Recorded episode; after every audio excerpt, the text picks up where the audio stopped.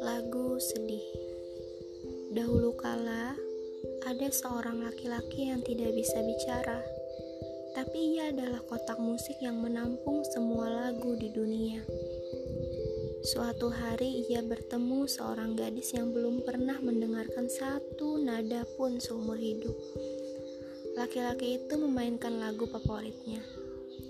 Ia melihat wajah si gadis berbinar penasaran ketika musik memenuhi langit dan larik-larik sajak yang jadi liriknya menggetarkan hati dengan cara yang tak pernah dirasakan gadis itu sebelumnya.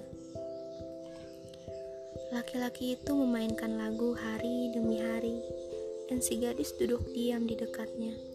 Ia tidak keberatan bahkan ketika laki-laki itu hanya bisa berbicara kepadanya melalui lagu. Ia menyukai semua lagu yang dimainkan untuknya. Tapi di atas segalanya, ia sungguh jatuh hati pada lagu-lagu sedih. Maka laki-laki itu memainkan lebih banyak lagu, hingga akhirnya hanya lagu sedih yang ingin si gadis dengarkan. Laki-laki itu suatu hari menyadari sudah lama sejak si gadis terakhir kali tersenyum.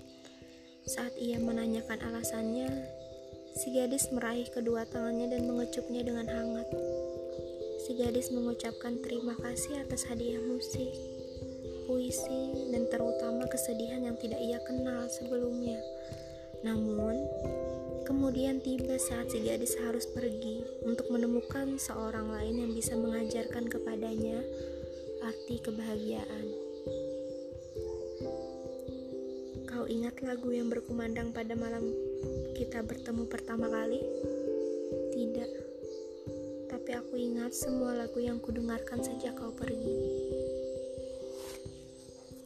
Cinta dan kesialan-kesialan karya Lang